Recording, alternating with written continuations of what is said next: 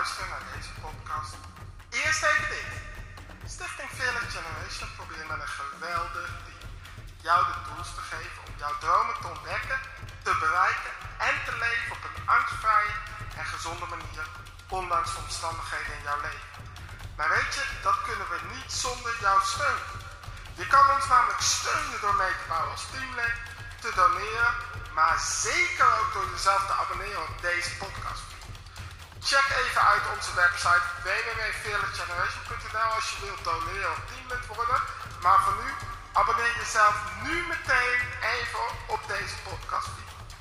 En uh, dan wil ik je voor nu bedanken namens het hele team voor het abonneren. En uiteraard geniet van deze geweldige podcast.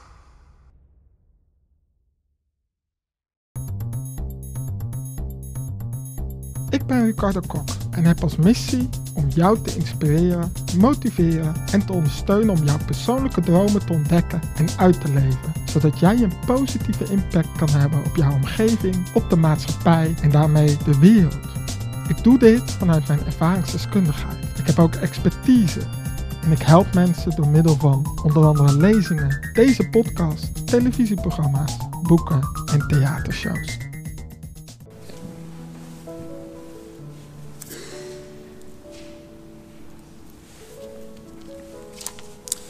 Ik uh,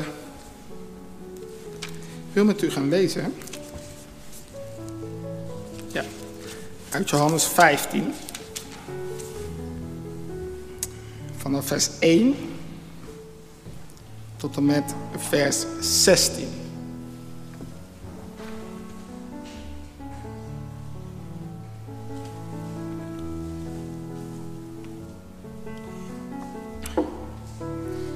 En er staat: Ik ben de ware wijnstok en mijn vader is de wijnbouwer.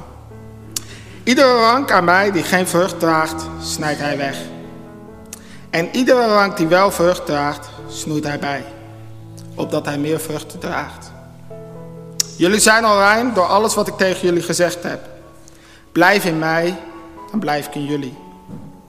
Een rank die niet aan de wijnstok blijft, kan uit zichzelf geen vrucht dragen.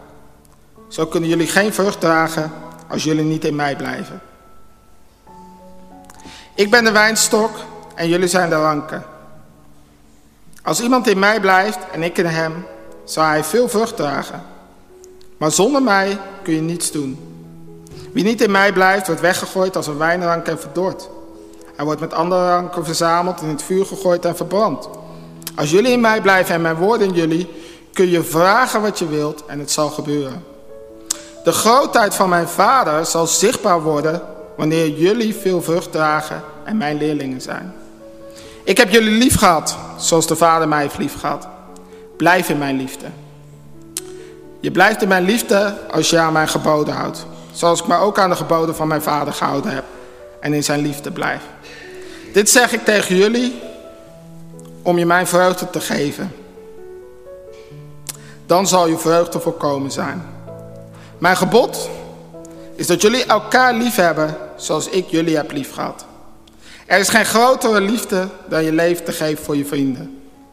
Jullie zijn mijn vrienden wanneer je doet wat ik zeg. Ik noem jullie geen slaven meer, want een slaaf weet niet wat zijn meester doet. Vrienden noem ik jullie, omdat ik alles wat ik van de Vader gehoord heb aan jullie bekendgemaakt heb. Jullie hebben, jullie hebben niet mij uitgekozen, maar ik jullie.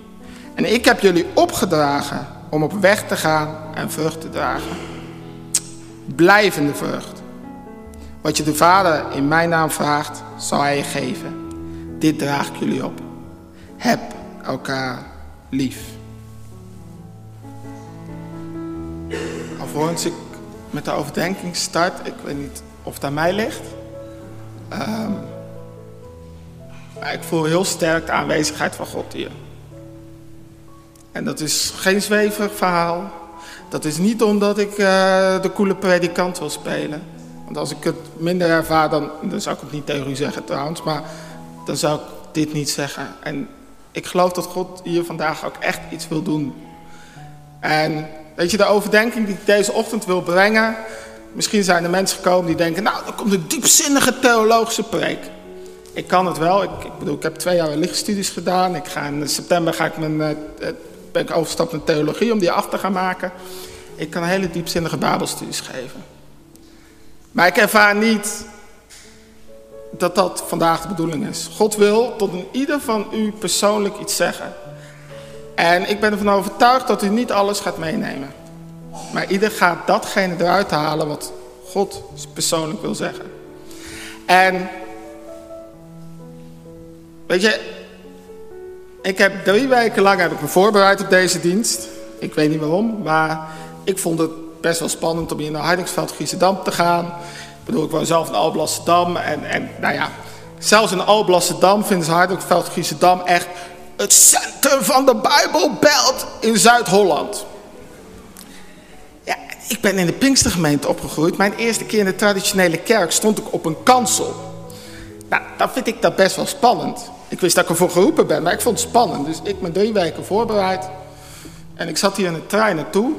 Toen begon God al te zeggen, ja, heel leuk met die voorbereiding. Ik denk, nee God, dat gaan we niet doen. En ik stapte hier binnen, een beetje gestrest. Uh, ja, nou de ouderling weet het, ik, want ik wou hier negen uur zijn. Dat liep wat anders door de trein en alles. En uh, ik liep hier naartoe. En de kansel op. En ik weet niet of u dat wel eens heeft, dat u iets wil gaan zeggen. En dat God als ware de hele voorbereiding uit je hoofd, uit alles weghaalt. En zegt, en iets totaal nieuws er neer plaatst. Ja, dat klinkt allemaal heel zwevig waarschijnlijk voor sommigen. Ik weet het, ik ben in de PKN, maar u moet het deze week even met mij doen. Volgende week is het niet meer als u er niet van houdt. En waar ik het over wil hebben is, weet je, ik heb ontdekt dat heel veel christenen, misschien u ook wel, zijn gefrustreerd. Ze houden van God, ze volgen God, ze, ze zouden echt alles voor God over hebben, maar tegelijkertijd zit er een frustratiegevoel. Van waarom werkt dit niet, waarom werkt zus niet? Waarom staat er in de Bijbel, gij zult zieken genezen, maar mijn, mijn, mijn vader, mijn moeder, mijn oma, mijn tante, mijn, misschien wel kinderen zijn overleden? Waarom staat er in de Bijbel dat we in voorspoed zullen leven, maar ik moet naar de voedselbank? Want het zijn dingen die gewoon in de Bijbel staan. Het is niet alleen het Oude Testament, ook in het Nieuwe Testament. En heel veel christenen, en ik ben het zelf ook geweest, zijn gefrustreerd. En ik heb ontdekt dat God is een systeemman. Om het, of vrouw, hoe je het wil noemen, want hij is zowel moeder als vader, zowel man als vrouw. God is een systeempersoon. God werkt op een bepaald systeem.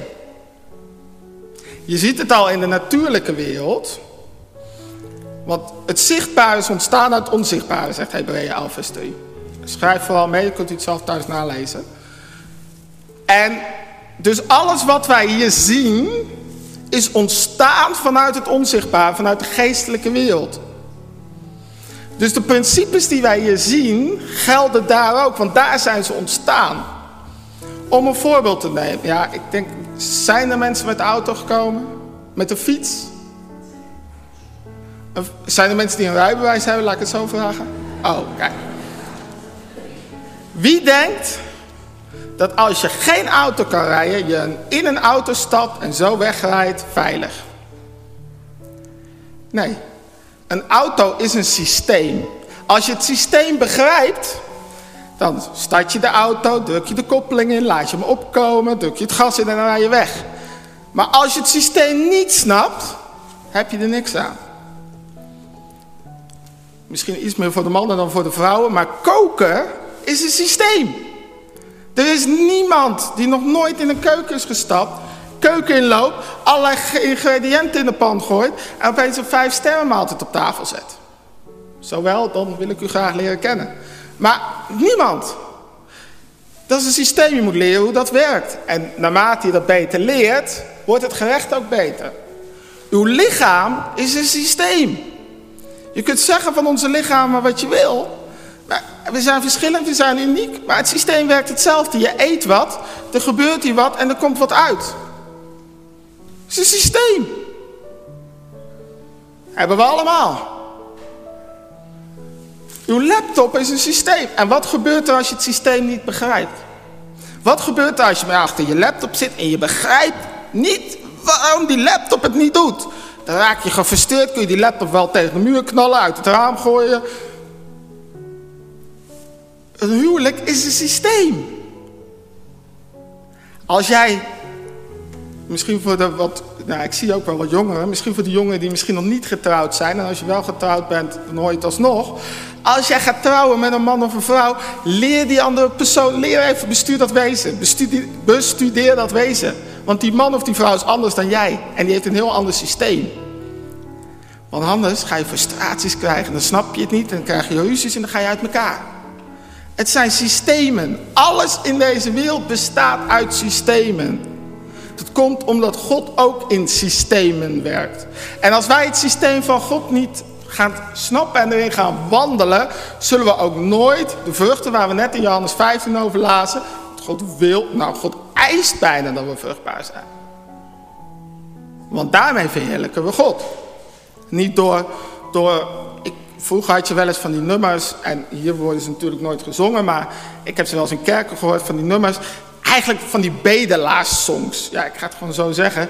Dat je, je bijna als een soort, ja God, ik, uh, ik mag het eigenlijk niet vragen, maar wilt u me alsjeblieft zegenen? Terwijl God zegt, ik eis eigenlijk dat je vruchtbaar bent. Als jij niet vruchtbaar bent, verheerlijk je mij niet. Vind ik een behoorlijke eis. Tenminste, wie wil God niet verheerlijken? Oké, dan is het dus een eis. Dus dat betekent dat we dat systeem wel moeten gaan snappen. En in 2 Korinthe 1 vers 20, schrijf het op, ga thuis nalezen, lees ook de hele hoofdstukken door mij. Daar geeft Paulus eigenlijk de sleutel tot het systeem. Want wat zegt hij daar?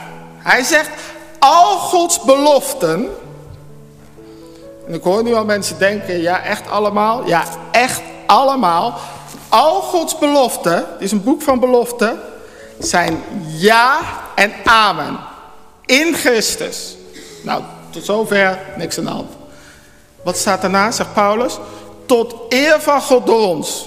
Wat betekent deze tekst nou? Deze tekst betekent dit. Deze tekst betekent dat allereerst zijn al Gods beloften ja en amen in Christus. In Christus is de Heilige Geest is Jezus. Want Christus is de gezalfde. En daar zit God ook in. Dus God zegt ja tegen al die beloften. Compleet. Maar dan komt het tweede stuk. En daar lopen wij als mensen vaak vast. Wij moeten ook ja zeggen. Tot eer van God door ons. Het is niet de duivel die de zegen tegenhoudt. Colossense 2 vers 15 zegt, hij is gestript van zijn kracht. Hij is openlijk tentoongesteld. Hij heeft geen macht meer. Hij is niet eens alleen onder de voetbank van God. Hij is onder onze voetbank en eigenlijk nog lager dan dat. Hij heeft geen grip meer op ons. Door de dood van Jezus en door de opstanding van Jezus. Dus kom niet met smoesje, ja maar de duivel houdt me tegen. Want hij heeft geen macht meer op u. Dus ga, als u dat nog gelooft, haal dat eruit. Dat is één. Twee, u moet ja gaan zeggen. Want het moet door u heen gaan. En de meeste christenen die ik tegenkom, die hebben een abonnement op twee woordjes. Als ik tegen ze zeg, God wil genezen. En dan vertel ik ze getuigenis uit mijn eigen leven, waar ik soms zelf ook versteld stond dat God het deed. Dat ik van tevoren soms ook die twee woordjes had. Ja, ja ik, ik weet, PKN vindt het vaak eng genezing, maar ik ga het toch benoemen. En weet je wat dan het woordje is? Ja, maar. Oké, wie, wie is ervan overtuigd dat hij naar de hemel gaat? Handen? Oké. Als u overtuigd bent dat u naar de hemel gaat, dat u gered bent, komt dat niet omdat u ja maar zegt. Dat komt omdat u op een gegeven moment heeft gezegd, ik snap het niet heer, maakt me niet uit, maar ik zeg ja tegen uw reddingsplan, ik zeg ja tegen uw genade. Zolang jij ja maar blijft zeggen, word je niet gered. Dat is heel hard, maar zo is het wel. Je moet op dat punt komen om ja te zeggen. Weet je,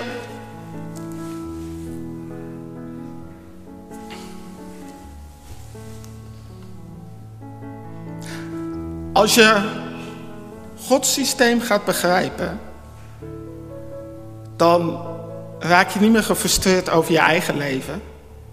Weet je wat je dan gaat doen? Heer, ik geloof dit. En Heer, hoe kan ik dit werkelijkheid maken? Ik kan mij nog herinneren, misschien wel leuk, dat was in, uh, het goed zeggen, 2012. Vlak voordat ik naar de hoop ging, notabene. En ik, uh, toen sprak ik ook al trouwens. Moet je nagaan.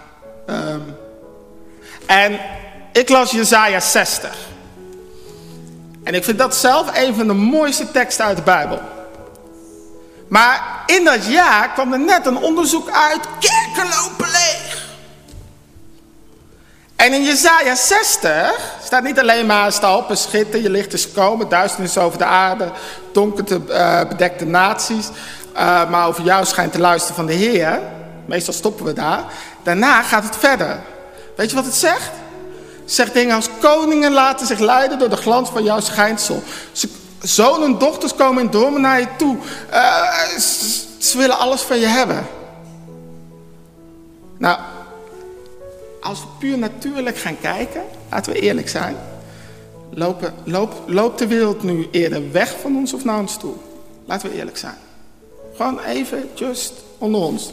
Familiegesprek. Als ik eerlijk ben, lopen ze eerder weg van ons. Ik spreek heel veel niet-christenen. Dan dat ze naar ons toe rennen. Maar de belofte van God zegt iets anders. Dat komt niet omdat God iets heeft nagelaten. Wat ik net al in de genadeverkondiging zei. Het is volbracht. Het komt omdat wij maar blijven ja maar. Ja, nee, ja, ja, ja, maar oké, je hebt gelijk Ricardo. Maar ja, weet je, ik, ja, het is ook wel waar. En uh, op mijn werk, ja, die, die collega die heeft ook al heel, heel lang hoofdpijn. Maar ja, als ik ga bidden, dan, ja, dan verklaren ze me echt wel voor gek als ik het vraag. Nou, misschien moet je het eens doen.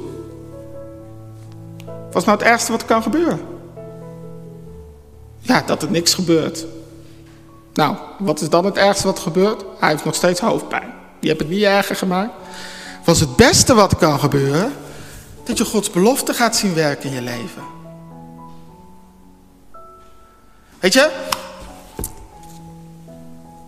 ik ga gewoon maar even strooien met getuigenissen uit mijn eigen leven om u gewoon te bemoedigen. Ik weet niet waarom, maar ik doe dat normaal nooit. Ik ben er helemaal niet zo van eigenlijk.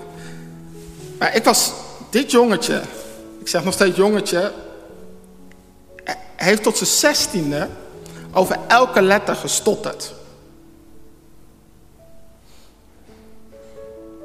En is geen grap. Mensen mogen mijn moeder bellen. Mensen mogen mijn, vader bellen. Alhoewel die er wat minder bij was. Maar je mag iedereen bellen. En toen ik 16 was, vergeet het nooit meer. We gingen met onze jeugdgroep naar Pakistan. En mijn jeugdleidster komt twee weken van tevoren naar me toe. En die zegt, ik ervaar dat jij moet spreken. Ik weet niet of mensen gestotterd hebben. Maar dat is niet echt iets waar je zin in hebt. En ik wou zeggen, nee, maar ja, als stotteraar ben je niet zo snel. Mijn jeugdleidster zei, nou mooi, dat is geregeld. Ik had op dat moment, had ik kunnen jamaren. Ik had met God allerlei dingen. En ik heb heus wel mijn angsten geuit. Ik heb heus wel mijn frustraties geuit. Maar ik heb op dat moment heb besloten, oké, ik heb geen idee wat gaat gebeuren. Misschien zet ik mezelf wel compleet voor gek. Maar ja, dat is het ergste wat kan gebeuren. Die mensen kennen me niet. Weet je, ik doe het gewoon. Zal ik je eerlijk vertellen wat er gebeurde?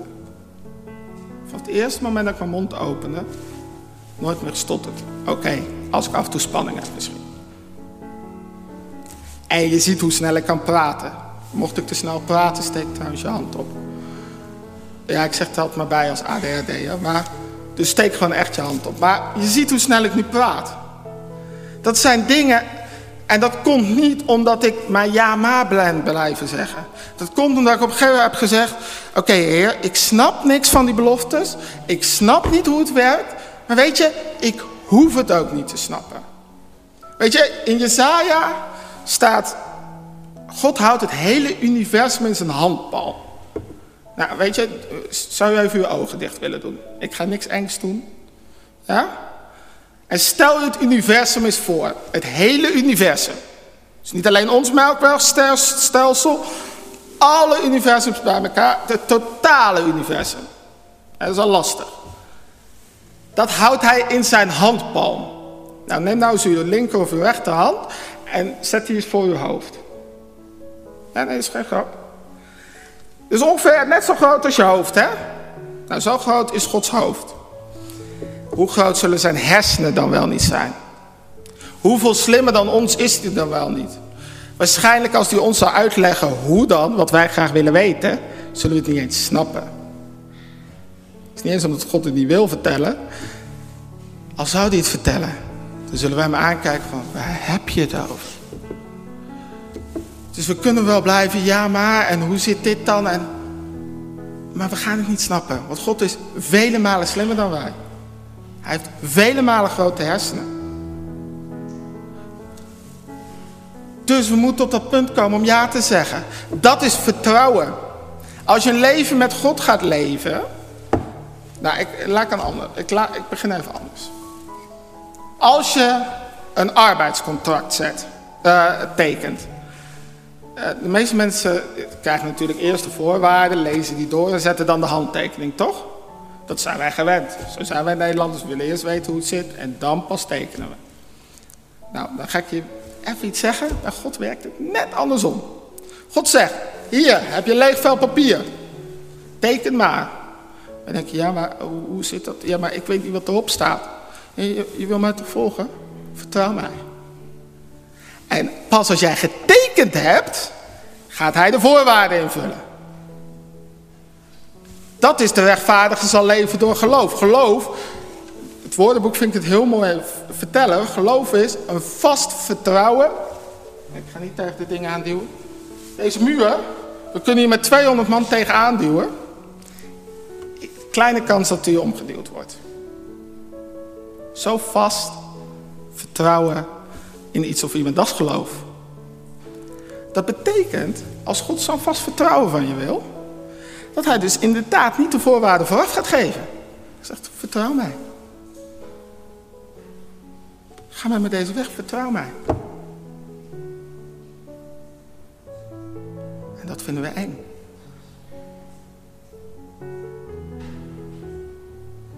En ik ook. We hebben het liefst de controle in eigen hand. De touwtjes vast. En dan misschien maar een minder gelukkig leven. God wil dat je voorspoedig bent. Jezus zegt, weer een belofte, Johannes 10 vers 10. En ik zal u leven geven, leven in soberheid. Oh nee, staat er niet. Ik zal u leven geven, leven in middelmatigheid. Oh nee, staat er ook niet. Ik zal u leven geven, leven in overvloed.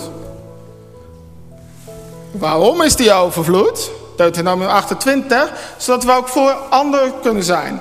Hoe kun je tot zegen zijn voor iemand anders? Hoe kun je er voor anderen zijn als je zelf niks hebt? Ja, nee, maar Ricardo, weet je, eigenlijk heb ik liever gewoon een leven, gewoon één kamerhuis voor mezelf. En, en één bed. En uh, ja, het, kind, dat kan eigenlijk ook wel in de schuur slapen.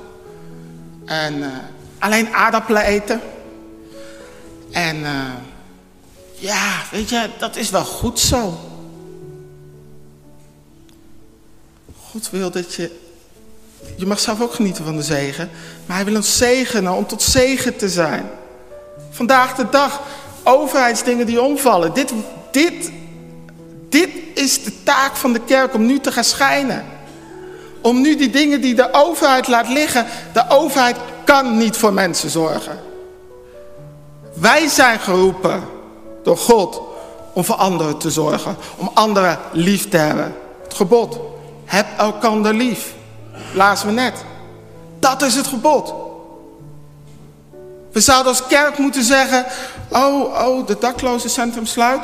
Oh, weet je wat? Wij houden hem open, we hebben genoeg financiën. Maar kerken hebben die financiën niet eens. Oh, oh, oh, je slaapt op straat. Oh, ik heb toch drie kamers over, joh. Logeer maar bij mij.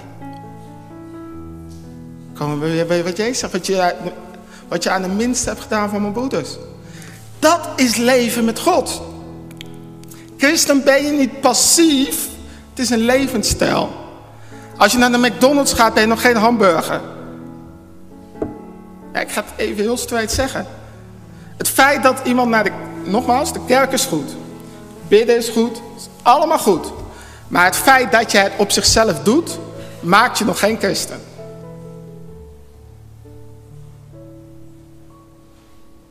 Wat maakt je christen? Dus je levensstijl. Ik zeg al, dit is niet de kerk. Het is APK-keuring, om het zo maar te zeggen. Ik, check even of de remmen goed zijn. En, en ik mag daar als monteur van God, mag ik met hem meewerken om die dingen te checken. Maar hier rij je niet met je auto. Met je leven. Daarbuiten. Ik ben geen uh, minister, geen bedienaar.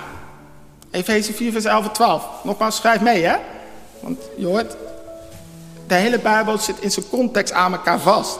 Wat staat in Efeze 4, vers 11 en 12? Apostelen, profeten, herders, evangelisten, leraars zijn gegeven aan de gemeente om de heiligen toe te rusten tot dienstbetoon. Nou, wie zijn de heiligen?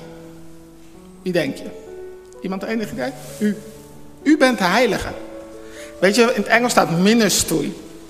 Ik hou van het Engelse woord, omdat we vaak... Ja, ze hebben de bediening, maar ministry is bediening. Jullie hebben de bediening. Ik ben hier, zodat jullie bij wijze van spreken alles uit mij kunnen trekken. Nu, stak bij de koffie. Trek het eruit, zodat jullie tot, tot, tot, tot volle wasdom kunnen komen. Tot je bediening kunnen komen, de wereld kunnen bereiken. Ik ben niks anders dan een cadeautje wat gewoon neer wordt geworden van trek alles er maar uit. En ik voel me daar niet minder om, maak je geen zorgen. Maar het gaat... We moeten af van die mentaliteit. Ja, die predikanten. Als jij bidt voor je buurman dat hij Jezus leert kennen... kan ik je garanderen dat die grote evangelist of, of predikant niet gaat komen, want dan ben jij. Als jij bidt dat je opa, je oma of wie dan ook genezen wordt is de kans groot dat jij de persoon bent die die, die, die stap mag gaan zetten. Oh nee. Maar alles zit in jou. Ik wil toch één tekst nog met u gaan lezen. En als u een Bijbel hebt en anders leest u even met uw buur, buurman of buurvrouw mee, wil ik u echt vragen om deze ook op te zoeken. Uh, Colossense.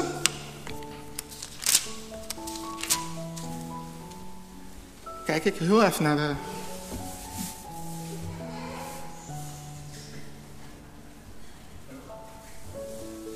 Prima. Altijd netjes om even de tijd in de gaten te houden. En dan, hè?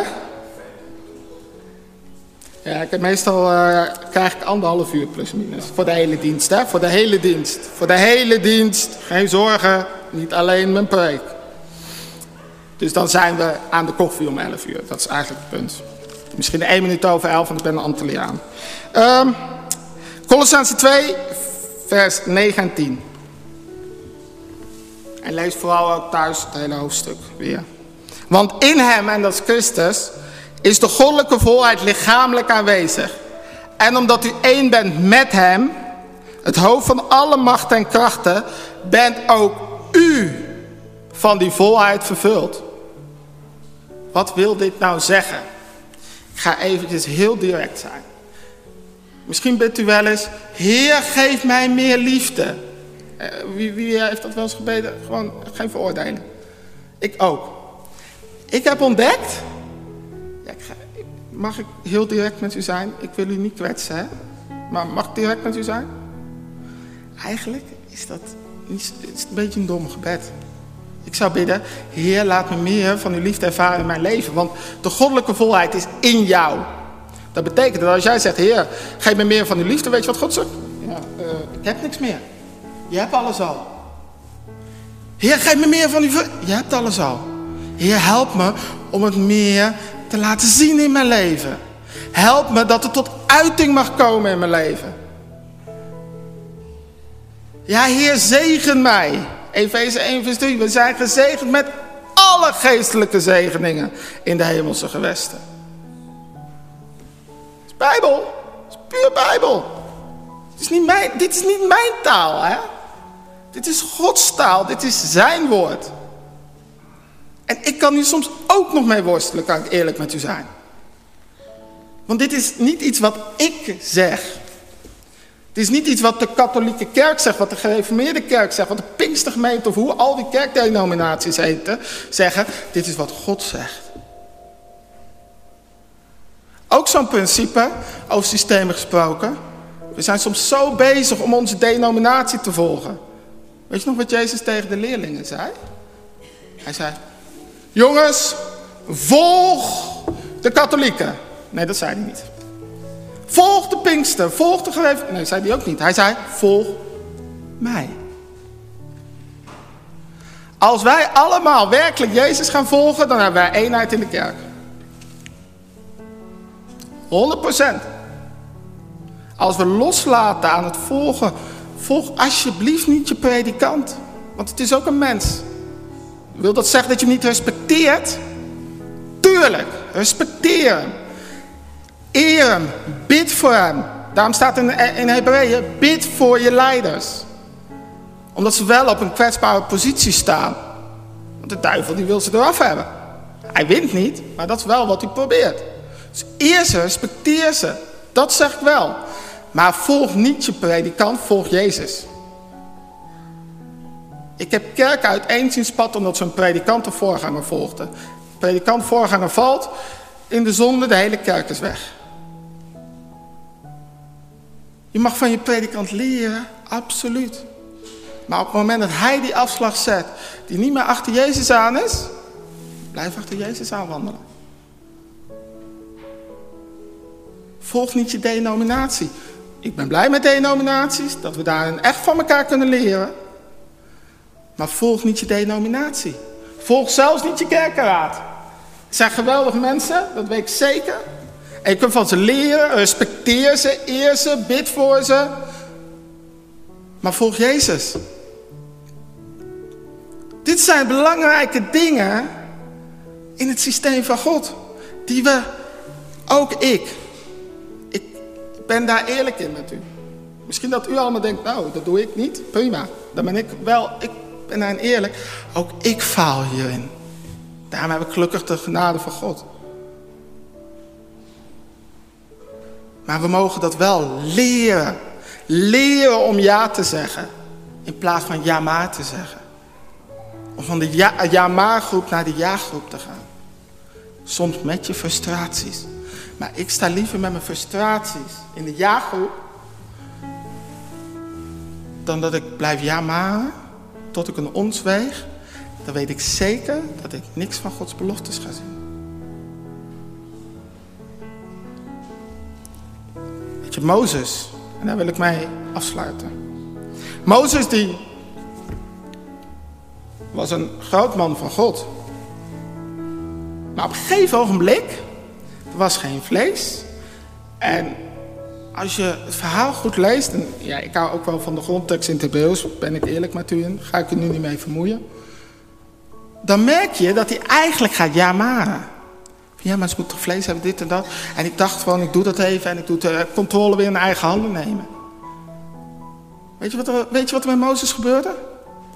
Hij mocht het beloofde land niet in. Hij heeft niet zijn bestemming gehaald.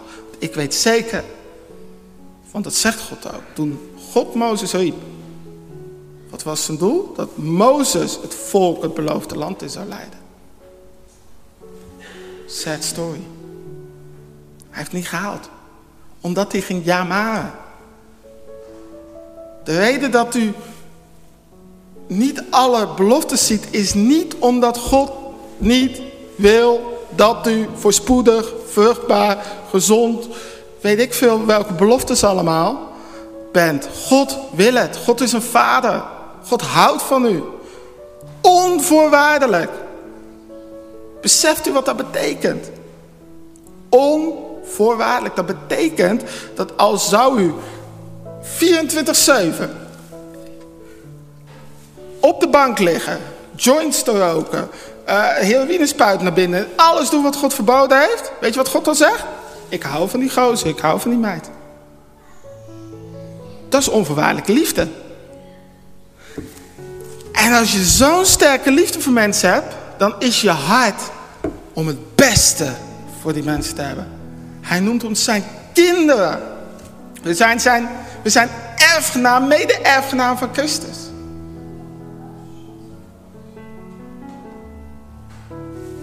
Dat, weet je, ik kan, daar ik kan bijna om janken. Omdat ik gewoon voel, ik voel die liefde.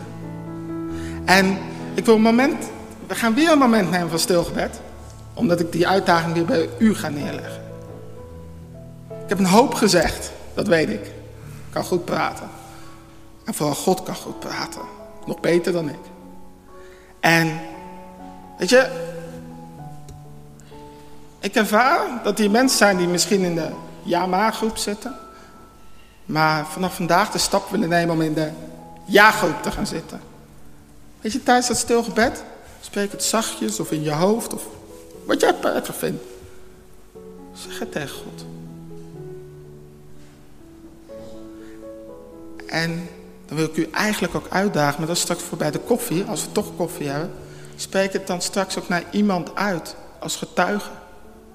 Dat je daarvoor kiest. Dat als je weer in die. Want laat ik één ding zeggen. Als je daarvoor kiest, wil niet zeggen dat je altijd in die ja blijft. Soms heb je ook je zwakke momenten. Maar als je het aan iemand vertelt, kan die jouw broer, jouw zus, soms zeggen: Hé, hey, weet je nog Henk? Of weet je nog uh, Ingrid of Kees of weet ik veel? Je wou, je wou in de jaargroep blijven, weet je nog? Die kan je ondersteunen. Spreek het dan ook naar iemand uit. En niet alleen je partner, ook buiten je partner. Ik vaak makkelijker aan je partner, maar ook daarbuiten. Dus die uitdaging wil ik bij neerleggen. En de uitdaging die ik ook bij neer wil leggen, is misschien, als u eerlijk bent, moet u erkennen dat u wel God dient en achter God aangaat, dat God eigenlijk niet de eerste plek heeft. Dat heeft de denominatie, de voorganger, de auto, uh, je vrouw, je kinderen, uh, weet ik veel. En Jezus zegt, volg mij. Laat alles achter en volg mij. Ik zeg niet dat je nu alles moet verbranden. En ik weet dat die mensen zijn die die stap willen maken. En die uitdaging wil ik ook neerleggen tijdens het stilgebed. Spreek dat dan ook uit naar God. En ook dat. Spreek dat ook uit naar je broer of zus. Het hoeft niet allemaal te zijn. Dus tijdens dat stilgebed. Van de ja-maar-groep naar de ja-groep. Of het volgt mij. Laten we dat nemen. En laten we daar een moment voor nemen. Terwijl de orgel instrumentaal speelt. Dus laten we gewoon een moment in die stilte nemen terwijl de orgel instrumentaal uh, het volgende nummer speelt, zonder te zingen. Deze podcast is geproduceerd door Fearless Generation. We hebben geprobeerd om alle rechthebbenden te benoemen in deze aflevering. Wil je meer content zien, lezen of horen? Of wil je contact opnemen? Dat kan via fearlessgeneration.nl. Dat is fearlessgeneration.nl. Aju.